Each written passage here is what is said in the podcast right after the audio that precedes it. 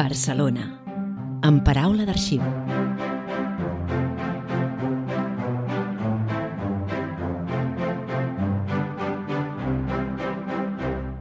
Us donem la benvinguda al podcast de l'Arxiu Municipal de Barcelona. Som en Javier Casanef i en Pere Andreu Geriot. Avui dedicarem el capítol a la documentació conservada sobre un dels aspectes més importants de la nostra manera de viure i de la nostra societat, com és la festa popular. Avui dediquem el capítol de Barcelona amb paraula d'arxiu a la documentació de la Festa Major de Sants, conservada a l'Arxiu Municipal del districte de Sants Montjuïc. Barcelona amb paraula d'arxiu el podcast de l'Arxiu Municipal de Barcelona.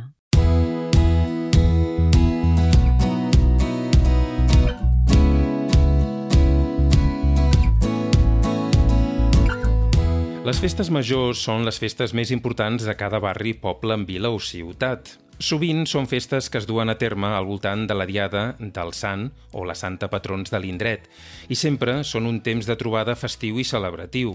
Normalment amb actes oficials a un component religiós, cerimonial i amb actes plenament festius d'oci o a l'entorn de tradicions de cultura popular. L'origen d'algunes d'aquestes festes majors al nostre país tenen arrelaments que van gairebé a temps medievals o moderns i solen durar diversos dies. A Barcelona tenim la festa major d'estiu, és a dir, la Mercè, i la d'hivern, Santa Eulàlia. Però dins de Barcelona mateix tenim moltes altres festes majors, algunes de molta anomenada, com la Festa Major de Gràcia o la de Sants, i d'altres potser més petites, però també amb molta tirada popular, com són la Festa Major de Sant Antoni, la de Santa Madrona, la Festa Major de la Sagrada Família, la de Naves, la de Porta, la de la Bordeta, la d'Ustafrancs, la del Bon Pastor, la Festa Major de Sarrià, de la Teixonera, la de la Font d'en Fargues, la de Sant Gervasi, la Bona Nova, la de Sant Andreu, la de Sant Martí, la de les Roquetes, la d'Horta o la de la Vila Olímpica. I així fins a una vuitantena a Barcelona, repartides al llarg de l'any. I de totes se'n conserva documentació als nostres centres d'arxiu de l'Arxiu Municipal de Barcelona. Nosaltres avui, com ja hem dit en començar, volem parlar-vos de la documentació de la Festa Major de Sants. Per parlar-nos de la Festa Major de Sants i la seva història, hem tingut una conversa amb l'Agus Giral, dinamitzador cultural i historiador especialitzat en la història de Sants, autor de diversos estudis, molts d'ells publicats al seu blog Memòria de Sants, que us recomanem de totes totes. El primer que li hem volgut preguntar a l'Agus és sobre els orígens de la Festa Major de Sants. L'origen de, la, de la festa major de Sants és difícil de, de trobar. A veure, és una, és una festa que era la festa del poble de Santa Maria de Sants. Llavors, els seus orígens són, són llunyans. Doncs hi ha gent que n'ha parlat doncs, que segurament d'un origen pràcticament medieval. L'altre tema és el format actual de la, de la festa major, que això potser sí que és més nou. Entenem que si és una festa que porta tants segles fent-se, deu ser evident que deu haver evolucionat amb el temps. Jo crec que hi ha un canvi important que és el moment amb el qual la Sants comença la industrialització i potser d'una festa que anava molt més lligada a, a l'església i amb la qual els principals actes doncs, passaven a, a la plaça de l'església en la qual doncs, es celebraven els principals actes, molts actes religiosos, al moment amb el qual Sants comença a créixer doncs, cap a mitjans del segle XIX i comencen a sortir nuclis obrers, aquesta festa d'alguna manera també es va popularitzant, es va estenent pel, pel territori. Fins i tot el, el propi fet de, dels, dels guarniments dels carrers que és una cosa que és curiosa perquè no és, no és un tema simplement de Gràcia i de, i de Sants, sinó que originalment hi havia molts, molts barris de Barcelona que guarnien els carrers. És veritat, un dels trets importants de la festa major de Sants i també d'altres festes majors d'altres indrets és el guarniment dels carrers. Sabem d'on ve aquesta tradició? Sembla ser que això ve de, de la tradició de, de les enramades en el moment doncs, que hi havia festes religioses doncs, es guarnien les esglésies i l'entorn. No? Al moment en el qual la festa es comença a estendre pels diversos carrers eh, de Sants, es comença a estendre també aquesta, aquesta tradició no? de començar a fer aquestes enramades, aquests guarniments eh, vegetals, pels carrers. I això, doncs, segurament ja estem parlant de finals del 19, principis del 20. L'Agu Giral és un estudiós de la Festa Major de Sants. Li hem demanat que ens faci un breu recorregut per l'evolució històrica d'aquesta festa. En el sentit que la Festa Major de Sants amb el format de festa on el carrer té molta importància, la gent té molta vinculació al carrer i és una mica doncs, la pròpia gent que s'organitza, als anys 20, als anys 30 tenia molta força, hi havia molts carrers, hi havia moltes comissions, si fas un repàs potser hi ha moments amb els quals fins i tot hi ha una trentena de, de comissions, carrers que tenien dos i tres eh, trams guarnits diferents, que això és com, com bastant curiós. Amb la postguerra comença una mica un canvi.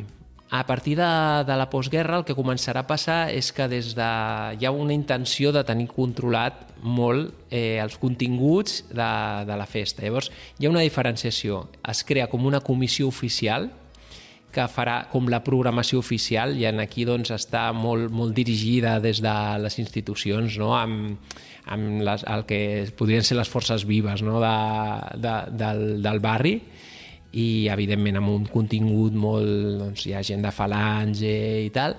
Llavors, els carrers sobreviuen però com d'una forma més secundària. No? Si tot el pes havia estat abans dels carrers i era com molt més una tradició més federativa, no?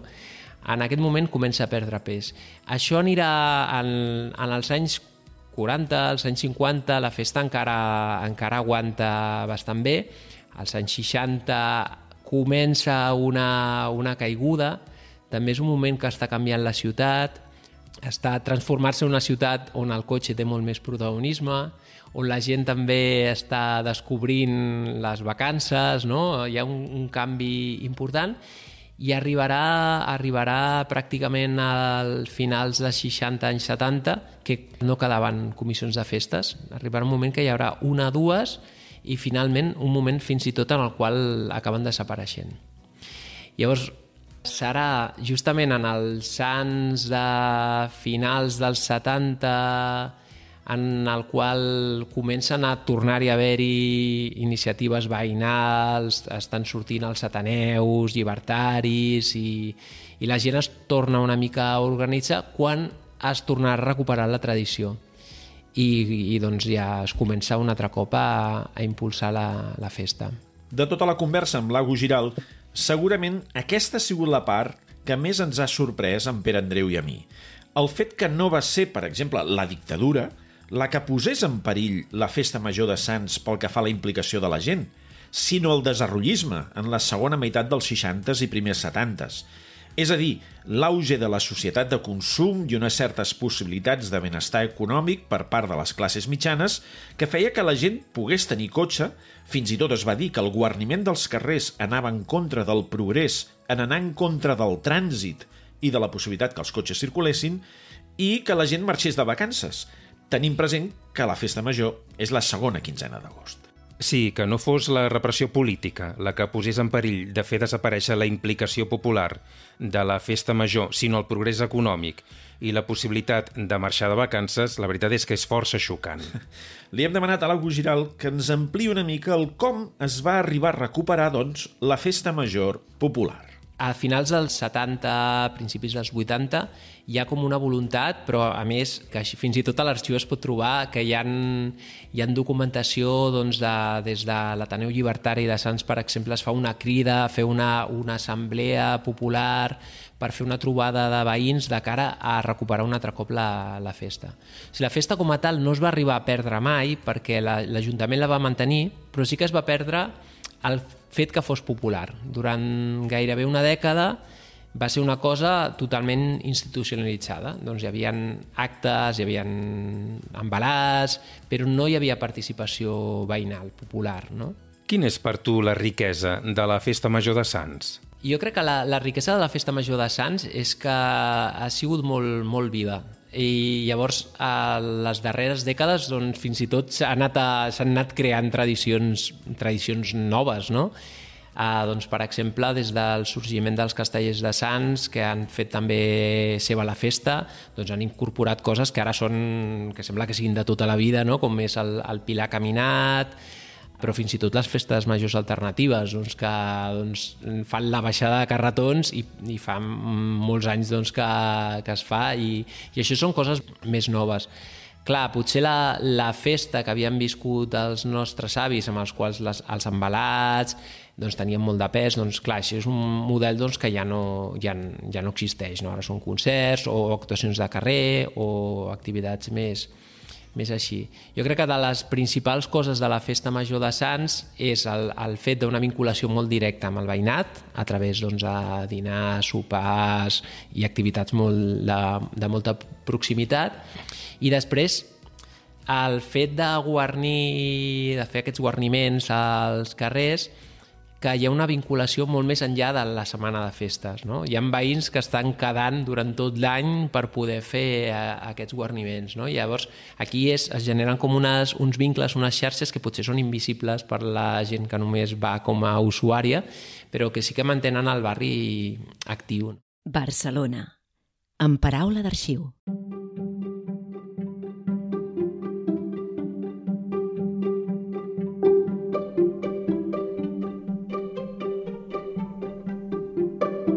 Després seguirem parlant amb l'August Giral sobre alguns altres temes relacionats amb la Festa Major de Sants. Sí, perquè ara el que voldríem és fer-vos saber quatre coses sobre el conjunt de la documentació històrica de la Festa Major que es conserva a l'Arxiu Municipal del districte de Sants Montjuïc. Per això hem volgut parlar també amb en Gerson Pasteller, el seu responsable d'arxiu i gestió documental. En Gerson és llicenciat en Història per la Universitat Autònoma de Barcelona i té dos màsters, un en Guerres Contemporànies i l'altre en Arxivística i Gestió Documental. Va ser a partir d'aquí que va encaminar la seva vida professional en la gestió documental i l'arxivística, en una trajectòria que, tot i no ser molt llarga, l'ha dut a treballar pels ajuntaments de Barcelona, Sabadell i Castellbisbal i per a empreses com Akbar o Transports Metropolitans de Barcelona. Des de fa uns mesos, en Gerson és el responsable dels arxius de districte de Sants Montjuïc i de les Corts, sent l'arxiver més jove en ocupar aquesta responsabilitat. El primer que li hem volgut preguntar a en Gerson és quina documentació es conserva a l'Arxiu de Sants sobre la seva festa major. Doncs bé, el volum de documentació respecte a la Festa Major de Sants és bastant gran. Val?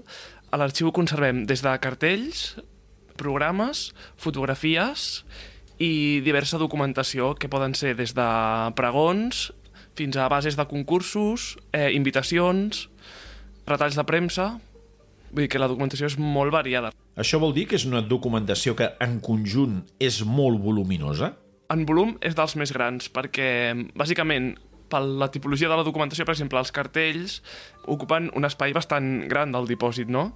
Llavors, potser un 30% del dipòsit està destinat a, a festes majors.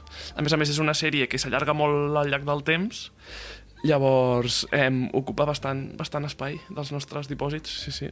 Quin és l'arc cronològic de la documentació que conserveu a l'arxiu sobre la Festa Major de Sants? Des de quina festa major? Aproximadament 1924. Des del 1924 fins, fins a festes major de l'any passat, diguem-ne. Sí que del 24 als anys 40 no estan tots els anys seguits, però a partir dels anys 40 sí que la, la documentació va tota seguida. Un dels aspectes interessants que ens assenyala en Gerson Pasteller és que no només es conserva documentació de les activitats públiques de les festes majors, sinó també de la seva preparació i organització al llarg dels anys. Una cosa curiosa també de la festa major és que hi participaven eh, associacions de veïns, eh, agrupacions culturals, les pròpies autoritats municipals. Llavors, com que era una, un tema que es portava entre diversa gent, tenim molt, molta documentació relacionada amb, amb l'organització de la festa major, no? Que molts cops ens quedem només amb la fotografia o amb, o amb el cartell, però realment hi havia una feina darrere molt, molt interessant, no? de posar-se d'acord entre veïns, mm, associacions culturals, el mateix ajuntament... Quins altres aspectes relacionats amb la festa major són interessants de veure en la documentació que conserveu? Per veure una mica també la vessant social del barri, no? que no només hi havia la part oficial, sinó que hi havia també la implicació dels veïns, d'associacions culturals, Després també com es finançava tot això a través de concursos, eh, paneres i tota aquesta, tota aquesta organització interna, diguem-ne, que és molt interessant, no? Perquè vinculava no, aquest, el món oficial amb el món cultural associatiu, llavors era molt, és molt curiós tota aquesta part. I per l'altra banda també per la gent que vulgui fer comparacions entre diferents èpoques, no, també és molt visible, no? Quins tipus d'actes s'organitzaven als anys 20, quins tipus d'actes s'organitzaven als anys 30, quins tipus d'actes s'organitzaven als anys 50 i quins tipus d'actes s'organitzaven als anys 70, no? També per veure una mica l'evolució cultural o, o social del, del país. En Gerson, a més d'arxiver, és historiador. Hem tingut curiositat per saber quina és la documentació que a ell personalment més li resulta interessant per mi són molt interessants els programes dels, primer, dels primers anys, no? del, del 1924, 25 i anys 30. També una mica el, com s'organitzava la festa major en l'època de la República i com s'organitzava una mica en l'època franquista, no? una mica veus dos mons no? una mica diferents. I per l'altra banda, jo com a, com a historiador també, i historiador de l'art, m'interessa molt també la banda de cartells, no només el cartell oficial que es penjava i que es publicava, sinó que s'organitzaven concursos per veure qui feia el dibuix del cartell, no? Llavors, moltes vegades també conservem les propostes que es feien, no només la guanyadora, sinó la, les altres, no? I això també és molt, és molt interessant. Un tema que acostumem a preguntar, i avui no deixarem de fer-ho, és si tota aquesta documentació la podem consultar des de casa, si és accessible en línia a través d'internet. Hi ha gran part que sí, els programes estan tots digitalitzats des del 1924 fins al 2005, tot això està publicat al catàleg en línia i la gent hi pot accedir des de casa seva, i tota la resta nosaltres ho tenim inventariat i qualsevol persona pot demanar hora a l'arxiu i, i consultar aquesta documentació. Per cert, a l'arxiu es conserva documentació sobre altres festes populars? No tan voluminosa com la de la festa major, però conservem documentació de totes les festes populars, no? Ja sigui des de Carnestoltes, eh, Sant Jordis, Cavalcades de Reis, Sant Joan i altres festes més populars, algunes que ja s'han deixat de fer, com per exemple la Festa de la Bellesa, aplecs de sardanes, no sé, hi ha molta diversitat. De fet, Sants ha sigut sempre un barri bastant associatiu i, i amb, moltes, amb moltes activitats.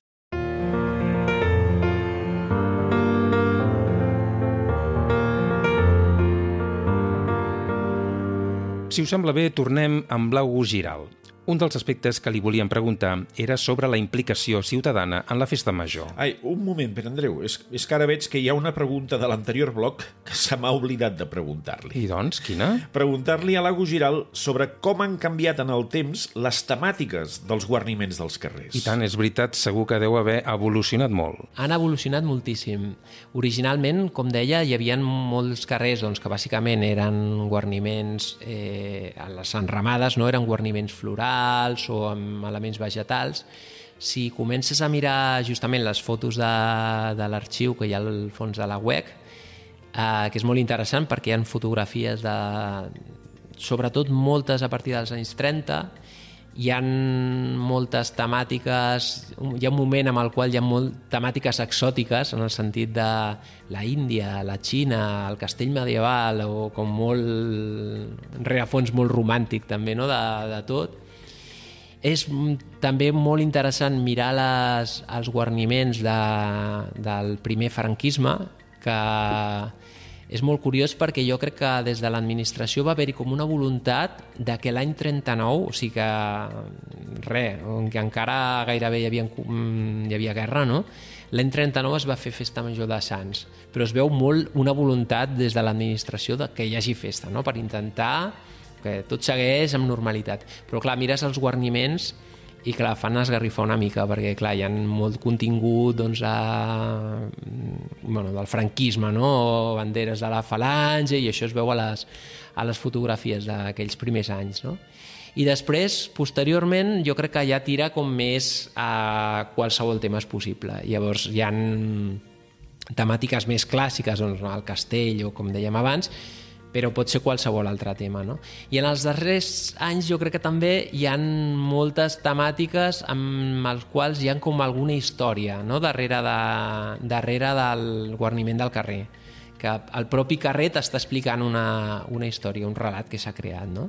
Segur que si comencem a veure fotografies dels carrers guarnits ordenades cronològicament, veurem moltes diferències i temàtiques noves que van apareixent i també d'altres més habituals, també. Escolta'm, et sembla que li preguntem ara sí per la implicació de la gent en la festa major? Sí, sí, naturalment. Per exemple, August, parla'ns de les comissions de festes. Les comissions són el, el grup de, de veïns veïnes que s'organitzen per decidir i per organitzar el, el guarniment del carrer i per d'altra banda per decidir i organitzar quina serà la programació cultural doncs, que s'oferirà des d'aquell de, des carrer.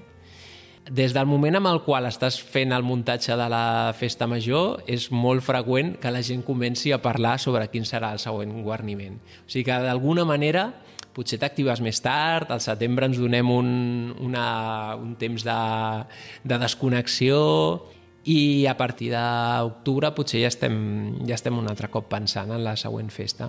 Com són aquestes comissions i qui les integra? Cada comissió funciona una mica diferent. Al final, són, en el cas de Sants, si no m'equivoco, ara són 12 comissions i totes són diferents. Però, en general, són, són grups de persones que en general són molt obertes. Vull dir, gent que tingui ganes doncs, de participar, segur que adreçant-se a una comissió doncs, poden trobar el seu espai. No? Hi, ha, hi ha gent que està molt interessada en la part de guarnit, no? de, doncs, de, perquè té habilitats o perquè li agrada, o hi ha gent de vegades que té més interès en la part cultural, no? doncs, oh, quins grups portem o com enfoquem la nostra, la nostra festa. No?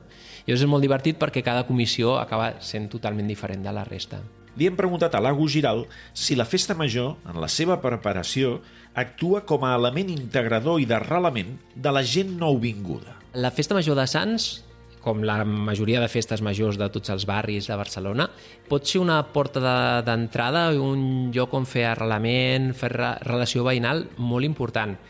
Ara, eh, és important doncs, que des de les comissions, la gent que està treballant, tinguin aquesta visió, doncs, de, també d'obertura, perquè també intentar evitar caure en, en dinàmiques eh, endogàmiques no? I, i ser, ser oberts.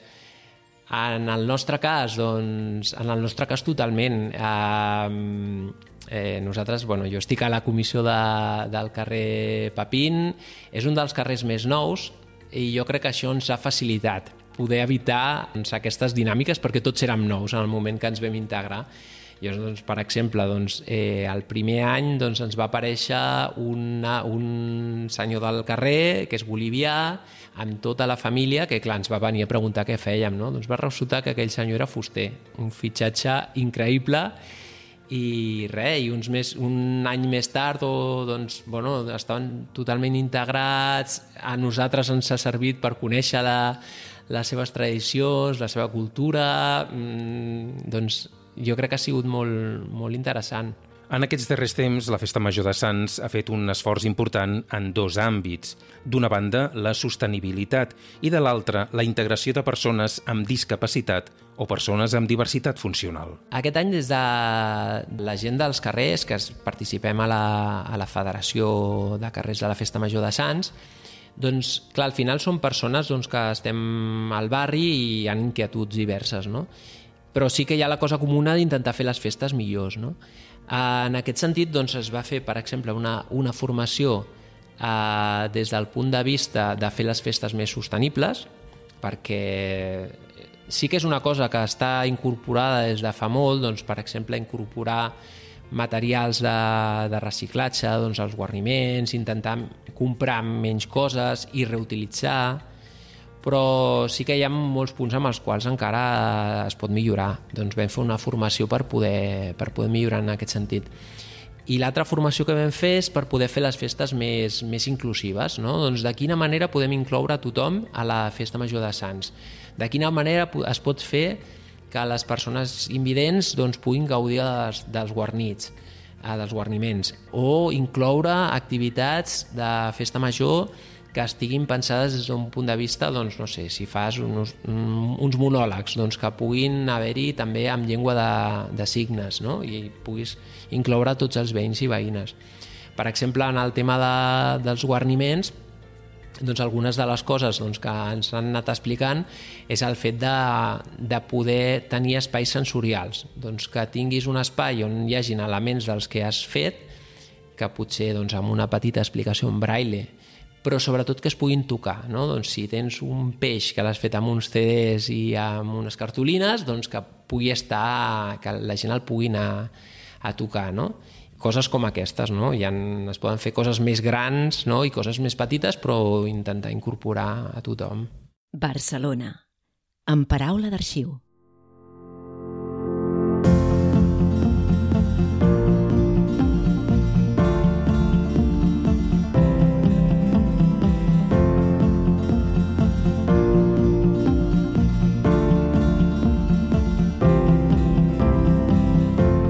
Abans, quan us hem presentat, en Gerson Pasteller, el responsable d'arxiu i gestió documental de l'Arxiu Municipal del districte de Sants Montjuïc, us dèiem que es tractava d'un arxiver molt jove. Com sempre fem, hem volgut tractar en la nostra conversa amb ell l'àmbit de la professió mateixa d'arxiver i amb més interès avui en tractar-se d'un professional força jove.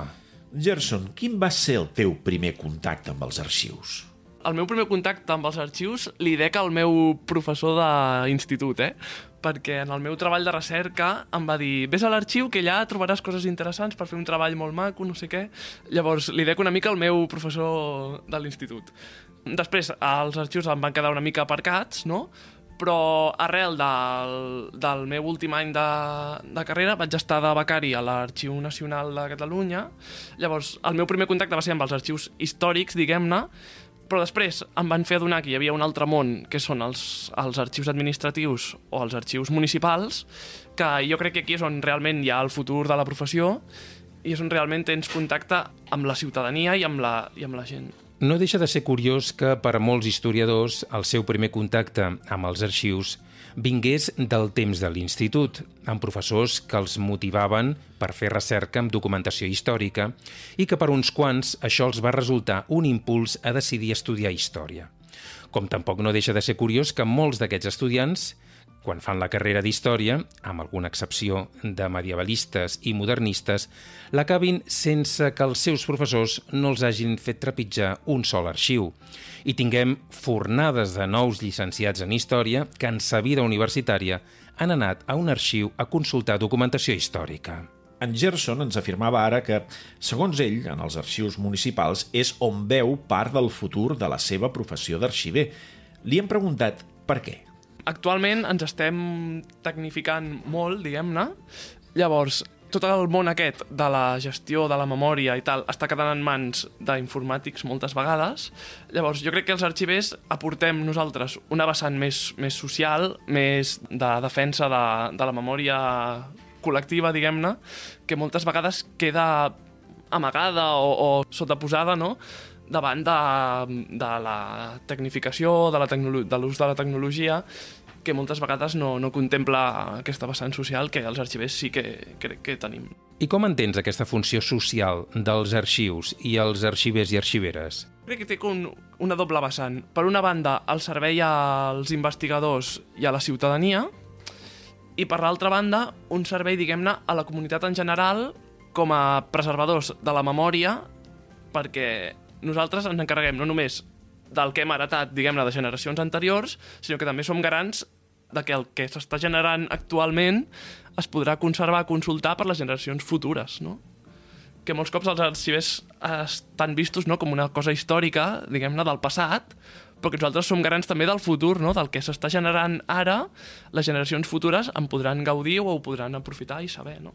Des de la teva mirada d'arxiver molt jove, quins creus que són els reptes de futur més importants als que s'enfronta la vostra professió? Jo crec que tenim dos, dos batalles ara mateix, no? Una mica evitar que els informàtics eh, se'ns se mengin, no? Diguem-ne, perquè eh, ara mateix estem en un món on, la, on hi ha una gran quantitat d'informació, eh, ara amb la intel·ligència artificial eh, s'està anant cap a unes derivades bastant, bastant eh, complicades, no? I jo crec que els arxius hem de ser els garants una mica de que aquestes dades que es generen o es gestionen o es processen són fiables, no? Una mica nosaltres estem a la font d'on neix tota aquesta informació i jo crec que aquí tenim molt camí per, per recórrer i defensar la nostra, la nostra, la nostra professió, no? I una mica també relacionat amb això, però des d'una altra perspectiva, és, diguem-ne, jo crec que tenim una gran batalla per la preservació de la informació, perquè fins ara mateix, normalment, gran part de la documentació estava en paper, Llavors nosaltres al paper sabem com conservar-lo, quins nivells d'humitat ha de tenir el dipòsit o no, quins nivells de temperatura ha de tenir o no, però ara mateix la documentació en paper està quedant relegada, no? I ara mateix ens enfrontem a un món electrònic que moltes vegades o sigui, el paper sempre serà consultable, no? Però ara mateix els documents electrònics d'un any a un altre no saps exactament si aquell tipus de document es podrà consultar o no, si els nostres eh, sistemes els podran llegir o no.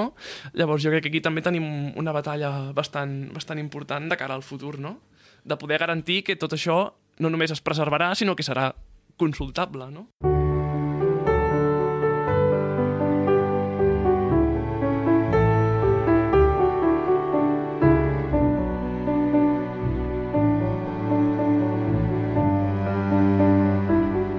Bé, fins aquí aquest 27è capítol de Barcelona en Paraula d'Arxiu, el podcast de l'Arxiu Municipal de Barcelona. Un podcast que realitzem amb Pere Andreu Geriot i Javier Casanef per a l'Arxiu Municipal de Barcelona i que en aquest capítol d'avui hem comptat amb la col·laboració d'en Gerson Pasteller, responsable d'Arxiu i Gestió Documental de l'Arxiu Municipal del Districte de Sants Montjuïc i de l'Agus Giral, dinamitzador cultural i historiador, responsable del blog Memòria de Sants, on hi podeu trobar la majoria dels seus estudis i articles especialitzats en la història de Sants.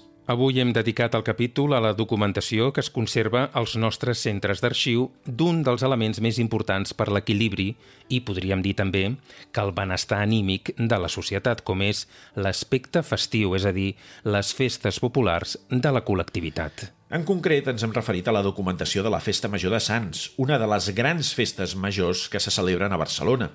I de la mateixa manera que a mesura que ens passen els anys ha anat canviant la manera que tenim nosaltres mateixos d'anar de festa, és a través de la documentació històrica que també podem veure com han canviat les formes i alguns dels fons de la manera de fer, en aquest cas concret, de la festa major sancenca. I també hem tingut l'oportunitat de poder parlar amb un dels arxivers més joves responsables d'un centre d'arxiu de l'arxiu municipal, un professional preocupat pels reptes de futur de la seva professió i alhora totalment implicat i convençut de la tasca social que els arxivers i les arxiveres desenvolupen vers la ciutadania.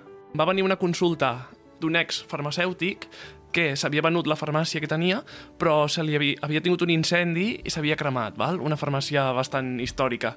I ens va venir a preguntar si teníem alguna fotografia de com era el, diguem-ne, l'aparador de, de la farmàcia de, antiga, diguem-ne, no? abans de l'incendi. I finalment li vam poder trobar una imatge de com era la farmàcia, no? Eh, ho vam trobar en un, en un document administratiu, però que per aquella persona va ser com un, un valor és molt sentit, no? Diguem-ne. I són aquestes petites coses no? que dius, es barreja una mica tot, no? la memòria d'aquella persona, els documents administratius oficials, i nosaltres hem de jugar una mica entre els dos, entre els dos mons. Això és Barcelona, amb paraula d'arxiu.